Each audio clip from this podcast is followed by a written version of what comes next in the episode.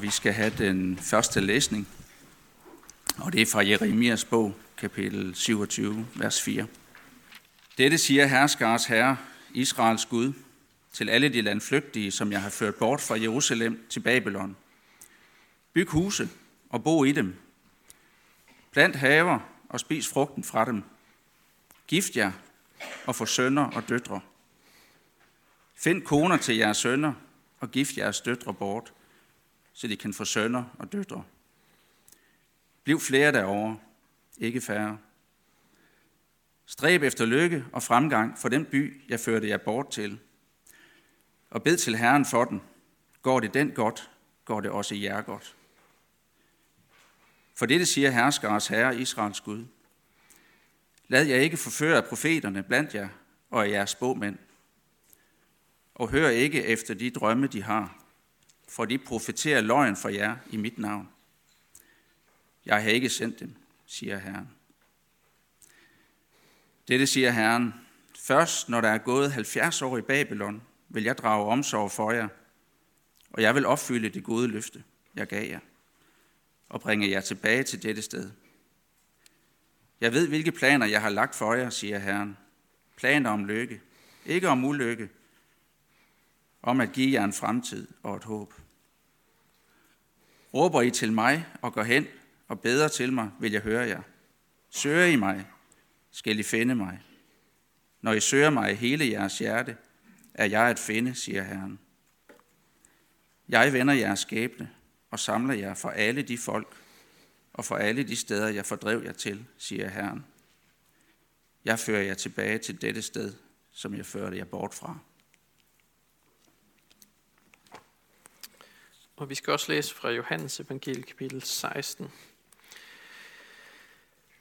Jesus siger, Sandelig, sandelig siger jeg, bær i faderen om noget i mit navn, skal han give jer det.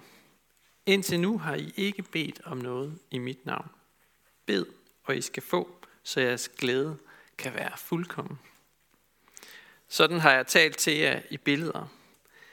Der kommer en tid, da jeg ikke mere skal tale til jer i billeder, men lige ud forkynde for jer om faderen. Den dag skal I bede i mit navn. Og jeg siger ikke til jer, at jeg vil bede til faderen for jer, for faderen selv elsker jer, fordi I elsker mig og tror, at jeg er udgået fra faderen.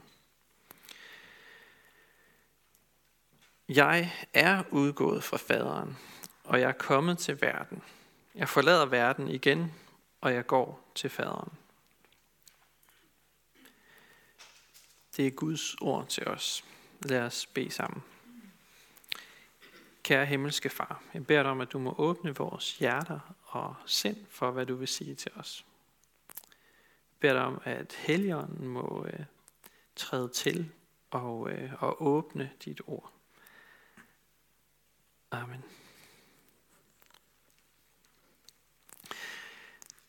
Det er ikke sikkert, øh, du vidste det, men Guds kirke er et hjem.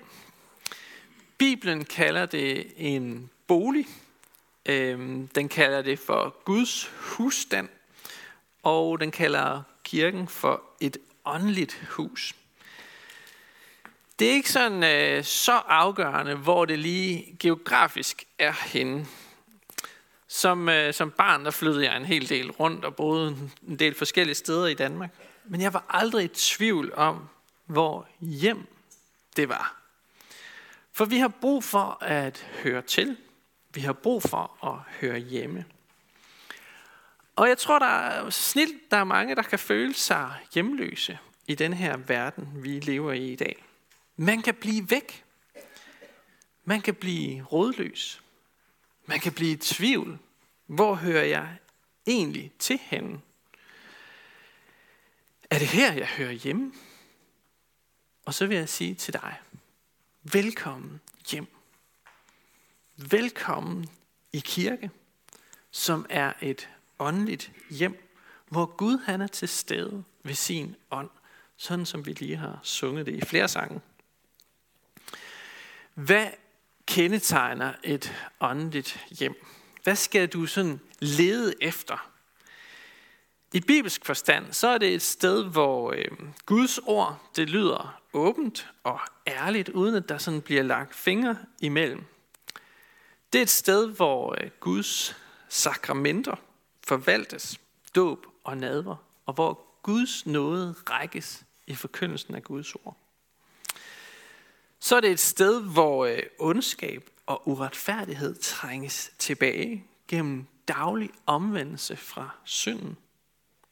Og så er det et sted, hvor bøn og lovsang får lov til at lyde og ikke mig helt. Bibelen beskriver ikke kirke som en bygning. Den beskriver det som et fællesskab af kristne, af troende mennesker, som øh, i kraft af deres tro er Guds ånd til stede. Det kan være i dagligstuen derhjemme, eller det kan være her i den store forsamling. Det er vigtigt at finde sit åndelige hjem. Og hvis du er på udkig efter sådan et sted, så vil jeg gerne invitere dig til at se denne her kirke som dit åndelige hjem. Et godt billede på det er et bål. Hvis man, øh, hvis man tager gløderne i et bål og spreder dem over et stort område, så vil gløderne øh, lige så stille blive kolde, og flammerne vil gå ud.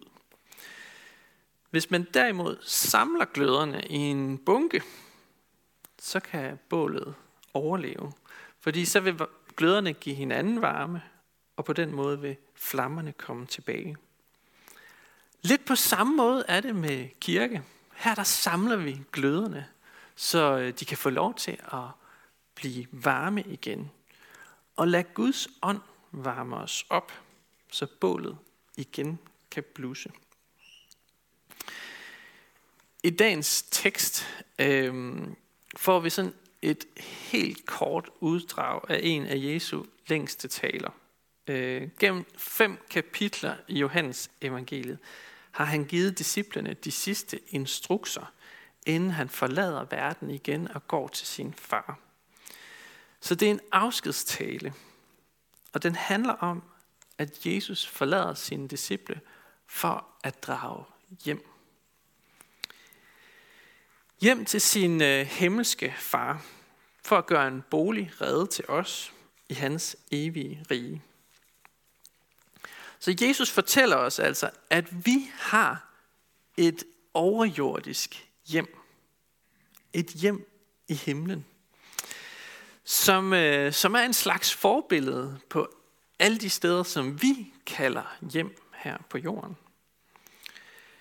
Så når vi længes efter at komme hjem, når vi har en længsel efter det der sted, som vi kan kalde hjemme, så er det i virkeligheden en længsel efter Gud. En længsel efter at være sammen med ham og være i hans rige. Det sted, hvor Gud Fader er, og hvor Jesus er nu. Sådan som vi skal høre om det på Kristi Himmelfartsdag på torsdag. Men hvorfor kunne Jesus ikke bare blive her hos os? Hvorfor tog han hjem? Jo, det forklarer han i den her lange tale. Han vil nemlig sende Helligånden. Det er det bedste for jer, at jeg går bort, siger Jesus. For jeg vil ikke efterlade jer faderløse. Jeg kommer til jer. Det er ret vildt, at Jesus siger, jeg kommer til jer. Fordi det er i virkeligheden Helligånden, han taler om.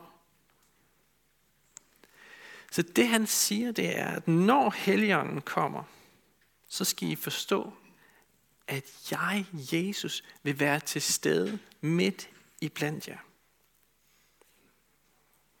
For faderen, sønnen og helligånden er et. Så derfor kan Jesus forlade den her verden og samtidig være til stede i hans kirke i den her verden. Så hvis du spørger, hvor er Jesus henne lige nu? Hvor er Jesus? Så er der to rigtige svar på det spørgsmål. Det ene svar, det er, at han er hos sin far, ved sin fars højre hånd på tronen i himlen, hvor han regerer denne her verden. Og så er han også her, nu, til stede ved sin ånd.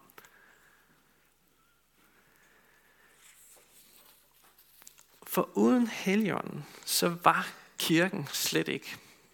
Så var der ikke noget, der hed Skjern Bykirke. Der var slet ikke noget, der hed nogen kirke overhovedet. Det er Helligånden, der gør det.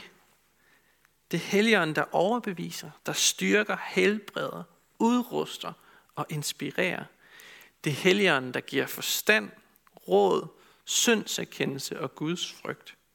Og det er Helligånden, der er vores talsmand over for faderen. Og som ved, hvad vi vil bede om, endnu før ordene bliver formet på vores læber. Og netop det med at bede er faktisk emnet for det her, den her, det her afsnit, som afslutter Jesu lange tale i Johannes evangeliet. Først fortæller han lidt om, hvordan bøn fungerer, og bagefter så holder han en, en lang bøn. Hele kapitel 17 er faktisk en lang bøn. Øhm, og i den her tale, der, der lærer han disciplene noget nyt. Han siger, I skal bede i mit navn.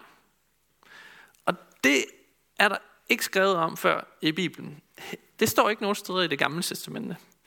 I det gamle testamente, der, der talte man om, at man påkaldte Herrens navn i templet. Men her, der siger Jesus altså noget nyt. Han siger, I skal bede i mit navn, og så hører jeg jer. Uanset hvor I er henne. Og det er ret vigtigt. Jeg har en fornemmelse af, at vi godt kunne blive bedre til det med at bede. Jeg kunne i hvert fald blive bedre til det. Nu, nu kommer der et citat øh, fra Luther, og det er måske en lille smule skarpt. Øh, så jeg, jeg, måske skal vi dele kirkesalen op i to grupper. Nu taler jeg til en gruppe, og så taler jeg til en anden gruppe lige om lidt. Men Luther han siger sådan her, fordi han vil gerne lige, der er nogen af os, der har brug for at høre det på en lidt skarp måde, lidt firkantet. Han siger sådan her, hvis nogen ikke beder, skal han vide, at han ikke er en kristen og ikke hører til i Guds rige. Bum. Det er ret alvorligt. Han siger faktisk, at bønden er den primære indikator på vores åndsliv. Så hvis troen dør, så dør vores bønsliv også. Og omvendt. Det er jo en formaning. Det er en formaning til os om at tage bønden alvorligt i vores liv. Hvis vi ikke har bedt i en måned eller i en uge, så skal vi måske, så skal vi måske lige stoppe op og tænke, hey, hvorfor snakker jeg egentlig ikke med min frelser og min Gud og min Herre?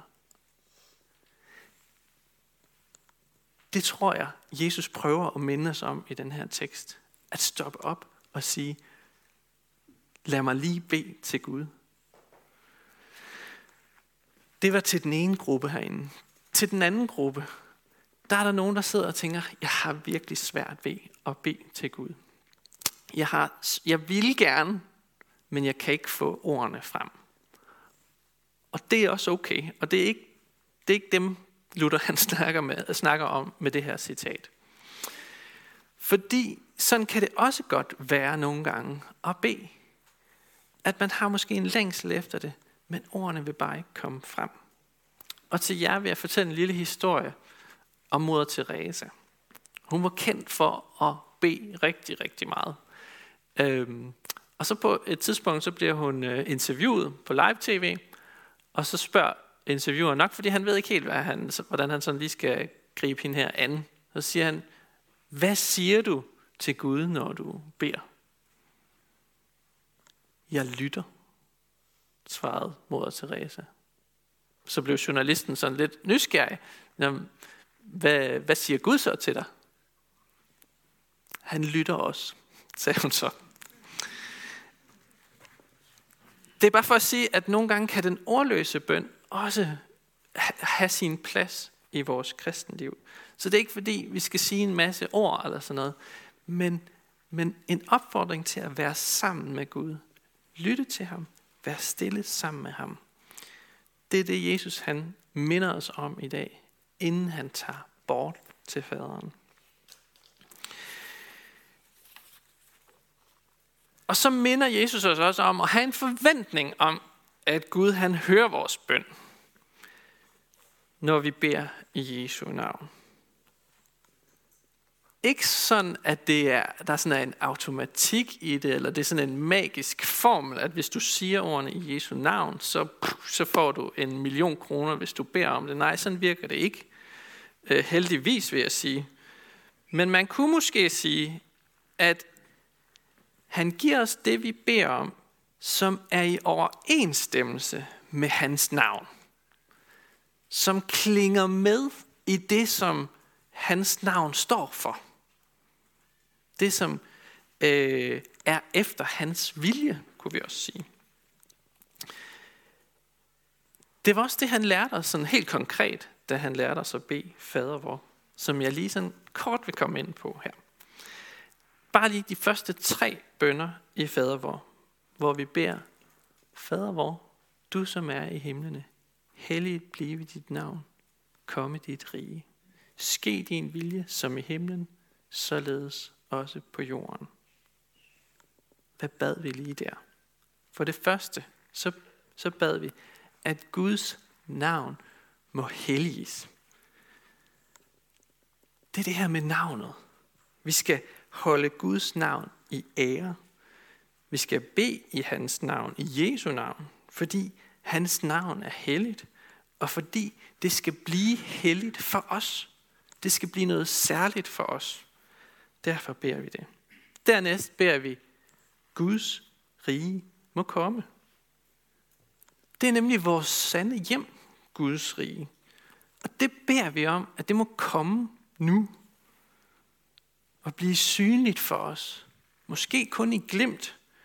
Men at Guds rige må blive synligt for os i Guds tjenesten, i omsorgen for hinanden og i vores liv helt generelt at Guds rige må komme. Og i den tredje bøn i fader, hvor der beder vi, lad Guds vilje ske. For han er en god Gud, der har lagt gode planer for os. Planer om lykke. Han har lagt gode gerninger til rette for os at vandre i. Så vi, vi overlader noget af ansvaret til Gud, så han kan føre sin vilje igennem så det ikke bare er vores egen vilje. Så vi er altså ikke blevet efterladt her i verden, sådan helt uden en vejledning i, hvordan vi skal bede til Gud. Så lad os øve os i det. Bruge det. Lad os tage Jesus på ordet, mens vi endnu venter på, at han kommer og gør alting nyt. Lad os bede mere. Lad os lytte mere til ham og lad hans navn blive mere helligt. Lad hans rige komme mere. Lad Guds vilje ske mere.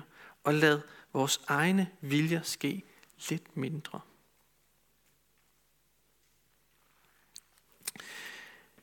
Vi hørte lidt tidligere i gudstjenesten, det var Ole, der læste en tekst fra det gamle testamente.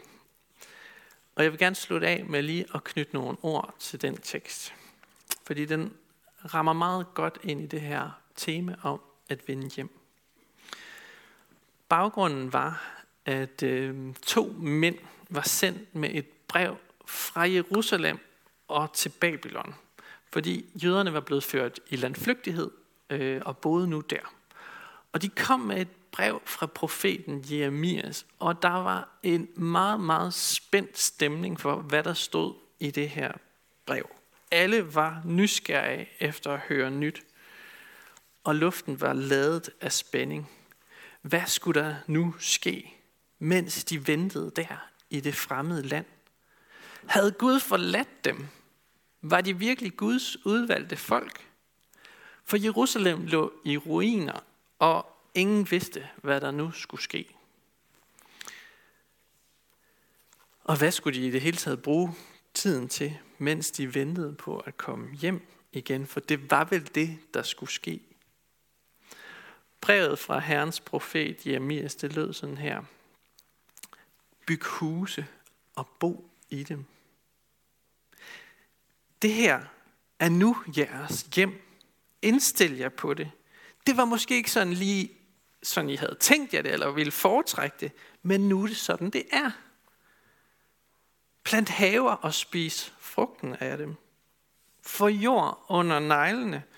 Bliv ikke bare øh, parasitter, eller som, som nasser på, på det samfund, hvor I er en del af, men bidrag til det. Bidrag til økonomien. Brug jeres evner. Lær, hvordan tingene fungerer her i det nye land. Gift jer og få sønner og døtre. Bliv flere derovre, ikke færre. Lad livet blomstre. Skab rammerne for, at en ny generation kan vokse op og tage over, når I engang ikke er her mere. Planlæg langsigtet og vent ikke med at stifte familie. Byg et hjem. Stræb, brevet fortsætter, stræb efter lykke og fremgang for den by, jeg førte jer bort til, og bed til Herren for den. Går det den godt, går det også jer godt. Og det er vel at mærke Babylon, han siger det her. Altså, i jødernes forestilling, der var det en syndig by, en hedensk by, som man ikke skulle have noget med at gøre. Og så siger Jeremias, at de skal bede for den. Søg den her ugudelige bys fremgang og lykke. Bed for den, så det må gå den godt. For det, hvis det går den godt, så vil det smitte af på jer. Jeg tror, det er Bibelens måde at sige til os, hvad vi skal bruge ventetiden på i den situation, vi er i i dag. Indtil Jesus han kommer igen. Vi skal ikke lukke verden ude. Vi skal få den til at trives. Det er den kristnes kald. Og så slutter brevet først efter 70 år vil de få lov til at vende hjem. Så vil Gud opfylde det løfte, han gav jer og bringe jer tilbage til Jerusalem. Og vi kan måske sige det samme, at på et tidspunkt, så skal vi også vende hjem. Så indtil da, bed for vores by, skab familier og byg hjem, som er et billede på det, vi har i vente en dag. Der kommer en dag, hvor vi skal nå vores destination, vores sande hjem. Vi har et håb om en fremtid med lykke og uden sorg og tårer. Indtil da, der skal vi samle gløderne i bålet. For sammen, der brænder gløderne meget bedre i den ventetid, vi har foran os. For vi er ikke blevet ladt alene, men har ånden til at hjælpe og give kræfter. Lad os bede sammen. Vi takker dig, Jesus, fordi du ikke har efterladt os faderløse, men at du er i himlen hos din far, og samtidig er her ved din ånd. Jeg takker dig, fordi du tænder din ild i os, så vi kan være lys i den her verden. Lær os at bede i dit navn. Lær os at bede for vores by. Og lær os at øh, leve efter din vilje. Vi takker dig for menigheden og beder dig styrke os i indbyrdes kærlighed og udrust os med nådegaver til fælles gavn og opbyggelse, og lær os at række ud over egne behov. Vi beder for menighedens børn, både de fødte og de ufødte. Beskyt du dem og lad dem få lov til at vokse op i troen på dig.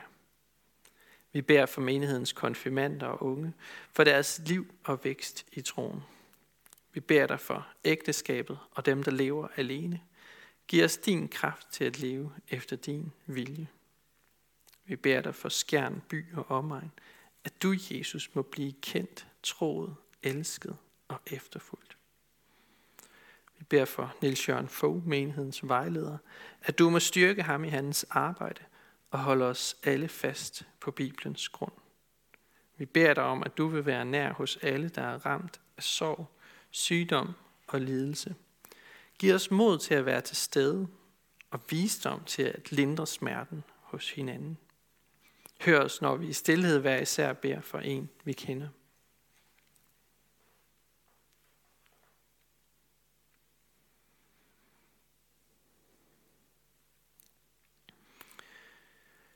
Vi vil særligt lægge Kirsten Østerby frem for dig, som bor i Jerusalem, og Sofia Hansen, som bor i Tanzania. Vil du øh, velsigne dem og bevare dem, og lad dem også finde et hjem øh, langt væk fra Danmark, hvor de er. Jeg beder om, at de særligt må vide, at de er en del af en åndelig familie, et åndeligt hjem.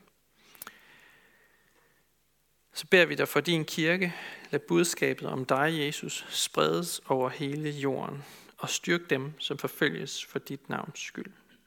Vi beder for vores folk, for alle, der er blevet betroet magt og autoritet. Hjælp dem og os til at værne hinanden mod uret og vold, og kom så snart og gør alting nyt. Amen.